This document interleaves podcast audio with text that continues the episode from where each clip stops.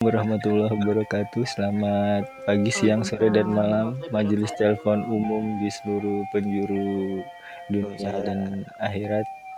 dunia dan akhirat. Serem bener. Jadi nah, malam ini kita bersama seorang praktisi pendidikan anggap aja praktisi lah ya karena dia suka yang praktis-praktis praktis-praktis aja. iya Hmm. Masih judulnya menggunakan bu masih pakai bunda nggak nih? masih Jangan, judulnya Bunda Nisa. sih. Bunda Nisa. Karena kalau kita panggil Mbak itu kayaknya kita nggak sopan gitu. Karena kan dia seorang tenaga pendidik gitu kan. Jadi kita harus Sih. mengambil memanggilnya Bunda gitu. Ya Bunda Nisa ini seorang apa dia aktif di dunia pendidikan sejak 1918 ya Bersama-sama dengan menir Budi. Utama.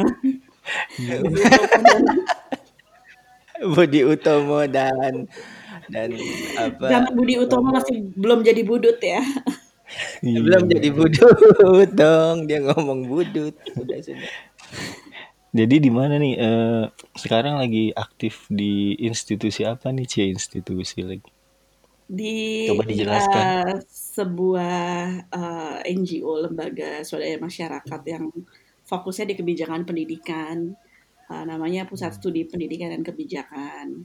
Jadi eh, saat ini PSPK Pusat Studi Pendidikan dan Kebijakan ini lagi kerja bareng sama eh, beberapa institusi sih, sama eh, Kementerian Pendidikan dan Kebudayaan, kemudian sama Bappenas juga, sama Dinas Hmm, Pendidikan baik. DKI yang sekarang ini sama Dinas Pendidikan DKI juga gitu. Oke oke. Untuk saat ini berarti itu membuat kebijakan gitu ya? Eh, kalau Lebih. iya kalau gue dan teman-teman di eh, PSPK kita jadi kayak think tank eh, ngebantuin think tank tuh tank yang berpikir Oh, Enggak ya? pakai tung Nah, baru Pakai baru tung nggak? mau apa Ting teng tung.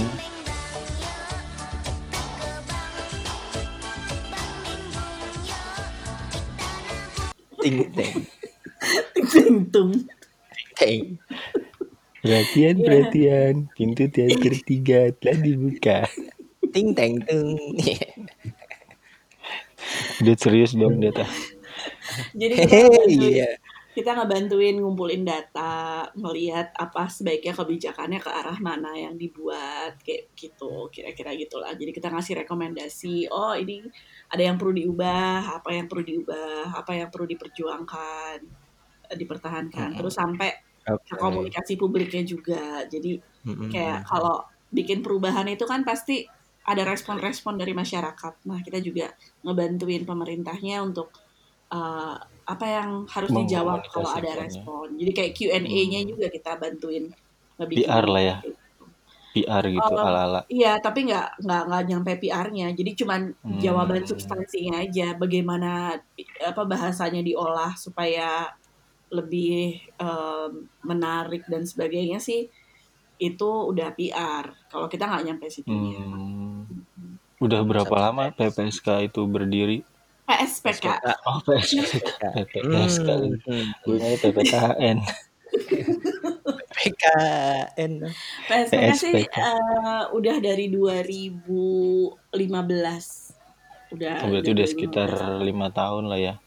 Jadi udah sempat di be- beberapa ganti menteri pendidikan juga sih. Tapi Berarti emang satu. yang saat ini yang yang eh, paling intensif juga sih ngerjain beberapa hal yang lebih eh, apa? Lebih banyak lagi lah gitu. Lebih karena Hmm. kita udah apa? mitraan sama Kemdikbud. Kemdikbud. Oh, Gitu. berarti eh, Bunda Nisa sendiri itu sejak tahun berapa di PSPK? Eh, dari sejak dia berdiri, jadi eh, diri kan didirikannya sama orang-orang yang eh, Hmm. sama orang-orang yang waktu itu ngumpul bareng karena misalnya ada kebijakan-kebijakan yang pengen di push, eh, terus orang-orang yang peduli pendidikan ini ngumpul, terus akhirnya ya udah yuk kita bikin ini, jadilah kita bikin PSPK. Hmm. Dulu Yang sih di bikin namanya siapa 2016. tuh yang bikin nama PSPK itu? adalah salah satu foundersnya. Oh, terus yang bikin Jadi, singkatannya? Enggak, pertanyaannya kalau ngumpul tuh di Roti Edi apa di Iya. apa di Wiwit? Iya, iya memang tapi kayak gitu juga kayak di FX yang deket-deket Kemdikbud lah. Deket-deket Oh, iya, kantor Kemdikbud gitu. Misalnya di Oh, FX jadi- kalau nggak di warung kopi mana kayak gitu juga awalnya. Eh, Jadi awalnya oh, emang gitu. volunteer aja, oh, volunteer karena kita oh concern. volunteer, oke. Awalnya iya, awalnya iya. Terus Hmm. eh, gue sendiri sih baru mulai full time-nya itu di 2019 tahun lalu ya di bulan Maret. 19. oke. Heeh. Oh, oke oke. Heeh. Eh, agendanya atau eh, visi misinya apa sih sebenarnya PSPK itu? Eh, ya itu tadi ngebantuin. eh, jadi kalau visinya sendiri sih kita pengen semua pendidikan kebijakan pendidikan itu berpihak pada anak. Jadi hashtag kita tuh selalu berpihak pada anak. Jadi kalau Hmm. misalnya bikin kebijakan tuh di dunia pendidikan mungkin kedengarannya kayak ya iyalah karena mau berpihak sama siapa lagi gitu. Tapi pada Hmm. kenyataannya tuh nggak selalu berpihak pada anak. Eh, kadang-kadang Hmm, yang kebijakan itu dibikin karena oh nanti gurunya protes biar gurunya nggak protes ya udah kita bikin kebijakan ini jadi yang ke- yang yang yang dipikirin guru gitu karena guru kan kekuatan politiknya kuat ya jadi dia bisa demo apa gitu tapi kalau kebijakan itu berpihaknya pada guru akhirnya sering kali yang dikorbanin anak-anaknya. Gitu kita ngeliatnya gitu. Jadi eh, Berarti anak itu as subjek atau objek dari pendidikan sih sebenarnya? ya subjek dong harusnya kita semua semua kebijakan. Jadi kalau di mata di Oh. mata pembuat kebijakan kadang-kadang bahkan obrolan tentang siswanya aja si anak-anaknya aja itu nggak selalu secara sadar dibahas gitu jadi misalnya gini Hmm. mau bikin kebijakan tentang guru honorer atau kualitas guru lah ya Eh, Mm-mm. apa kriteria menjadi guru kriteria untuk pengangkatan guru gitu Hmm. jadi eh, yang dipikirin adalah misalnya iya kan dia udah mengabdi lama tapi belum diangkat jadi guru tetap gitu. Eh, iya sih benar kasihan dia udah mengabdi lama dan belum diangkat jadi guru tetap. Hmm. Tapi pertanyaannya kenapa? Kenapa dia nggak diangkat jadi guru tetap? Mungkin mohon maaf, mungkin memang masalah kompetensinya dia gitu. Tapi kalau cuma mengangkat guru yang udah lama itu kan dan mempertahankan guru yang nggak diangkat-angkat yang udah lama, mungkin mempertahankan guru yang nggak berkualitas. Yang dikorbanin siapa sih kalau mempertahankan guru yang nggak berkualitas? Yang dikorbanin anak lagi kan. Iya, anak lagi-lagi. Jadi- Nah, Ha-ha, jadi banyak sebenarnya kebijakan-kebijakan kita tuh yang belum betul-betul menempatkan anak tuh di tengah-tengah gitu. Jadi eh, dalam satu pertemuan tuh PSPK ya eh, gue mewakili PSPK lah gitu ya. So- eh, pernah bilang sama timnya Mas Menteri nih eh, coba Hmm. kalau kita tuh kalau bikin kebijakan mesti ngebayangin ada anak murid di depan kita. Dan sehingga kenapa? Jadi kita visualisasikan apa manfaatnya kebijakan ini buat dia. Kalau nggak membawa manfaat apa apa nggak usah dibikin kebijakannya gitu loh hmm, hmm.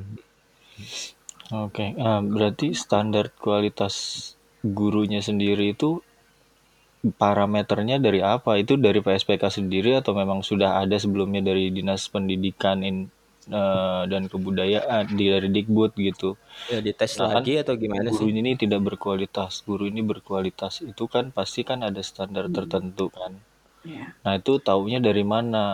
Karena kan eh, kalau asumsi gua adalah otomatis kalau yang sudah menjadi guru paling nggak dia sudah lolos klasifikasi standar ini gitu. Nah, kapan dia ditentukan sebagai guru yang tidak berkualitas? Kapan dia ditentukan sebagai guru yang masuk kualifikasi guru berkualitas gitu?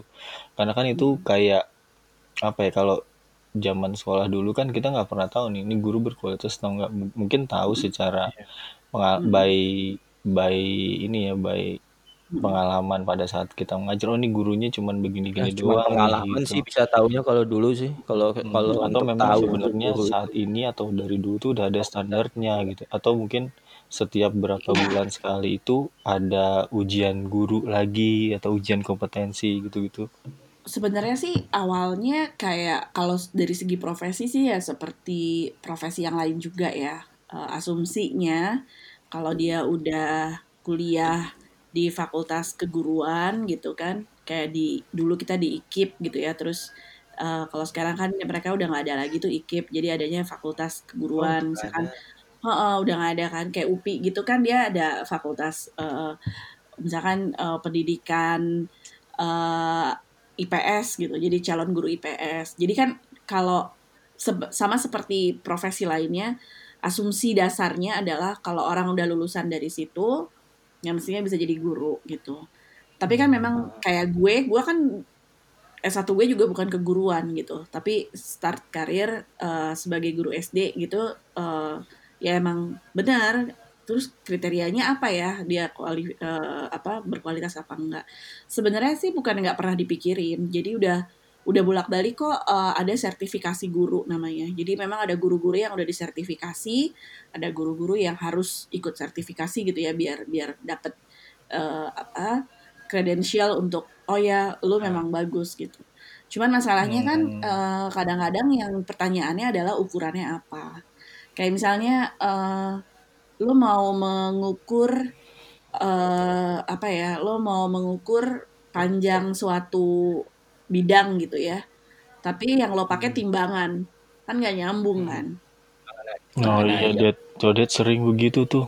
jadi Dia mau mengukur panjang jalan Jadi, tol uh, pakai penggarisan mesin jahit. gitu kalau pakai penggarisan kalau pakai penggarisan aja masih bisa cuman Masih masalahnya bisa berapa ya? lama kan Oh iya. tapi lo kebayang Codet kan 8 maksudnya tahun. lo mau ukur panjang tapi pakai timbangan jadi uh, Hmm. gitu juga dengan uh, selama Salah ini alat tuh ukur ya.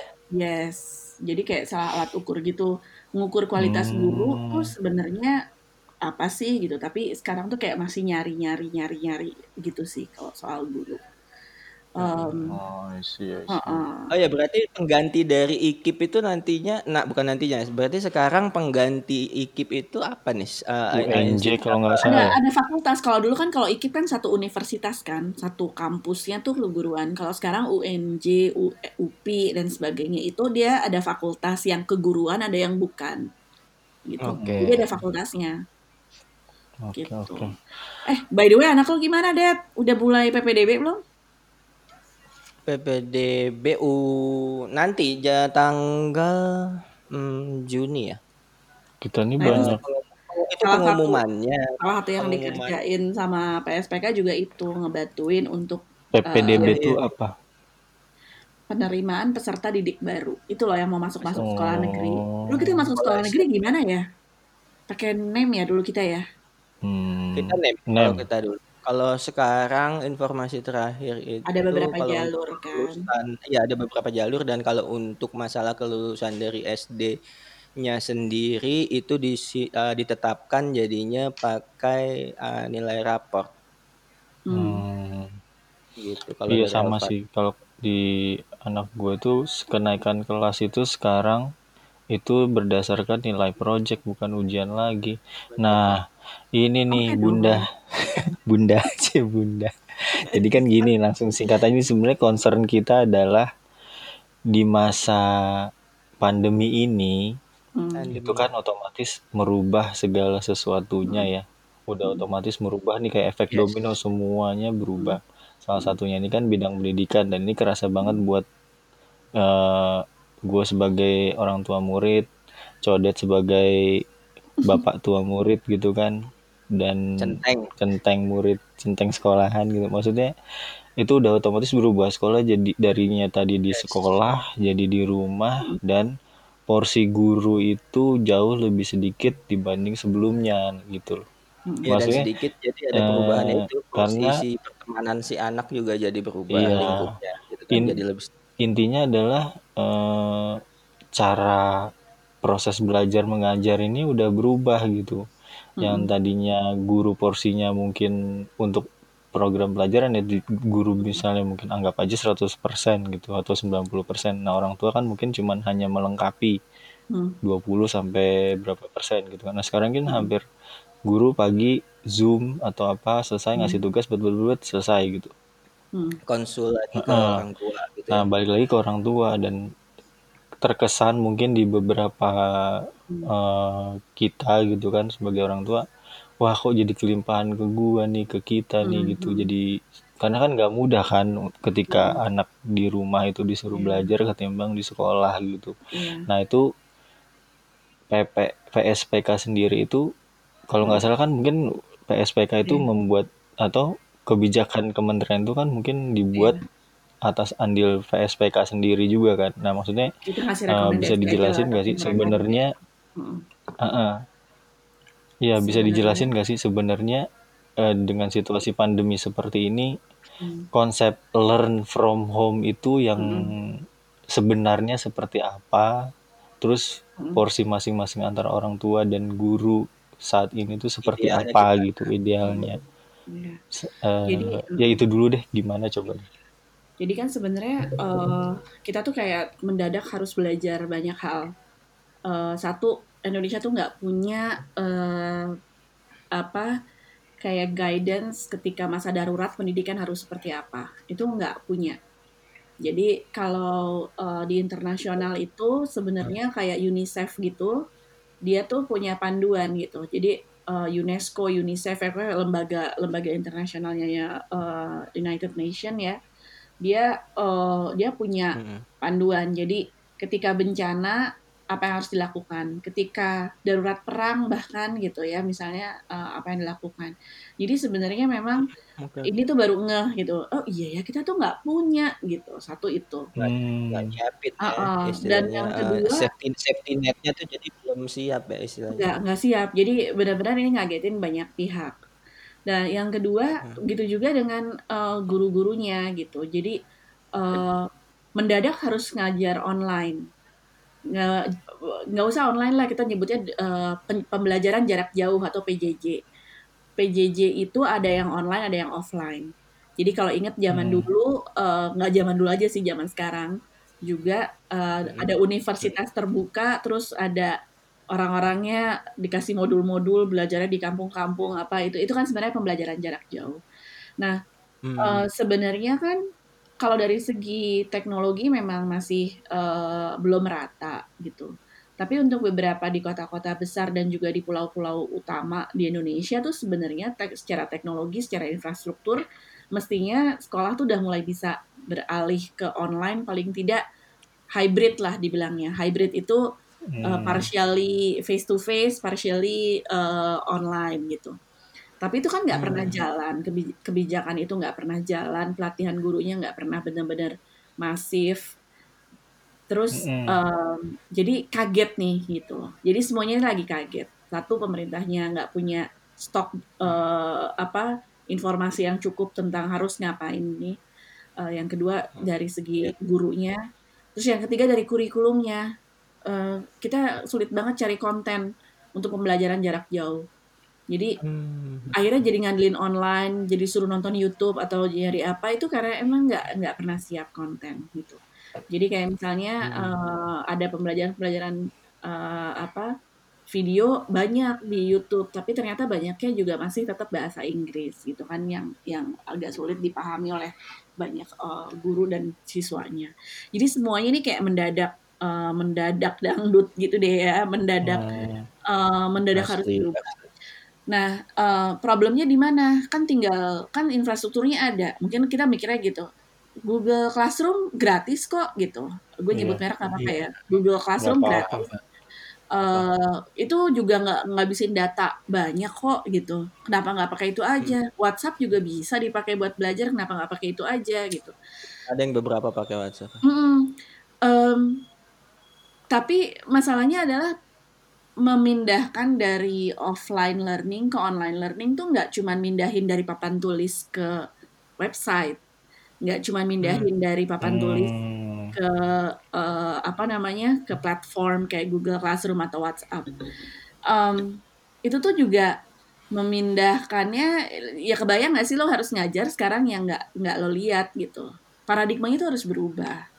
Misalnya Goib ya, mengajar goib. Jadi kayak misalnya mungkin eh, kebiasaan ya kalau misalnya eh, di kelas itu kan semua pembelajarannya kayak yang tadi lo bilang eh, dikontrol oleh guru gitu hampir 100% Betul. proses belajarnya dikontrol guru. Begitu online learning sebenarnya guru tuh harus mulai eh, bangun kepercayaan bahwa oke okay, gue kasih tugas anak ini bisa ngerjain sendiri tanpa harus konsultasi ke mana-mana. Jadi gimana ya caranya gue bikin instruksinya jadi kalau gue nyuruh anak itu ngerjain okay. sendiri tanpa dia harus nyusahin orang tuanya gue cara nulisnya gimana ya? Atau cara nyampe ini gimana ya? Biar dia nggak usah. Nah ini kan nggak gampang sebenarnya. Soalnya iya. kebiasaan kalau di kelas cuma dibilang kerjain ya uh, bikin uh, apa bikin karangan uh, menulis tentang RA Kartini.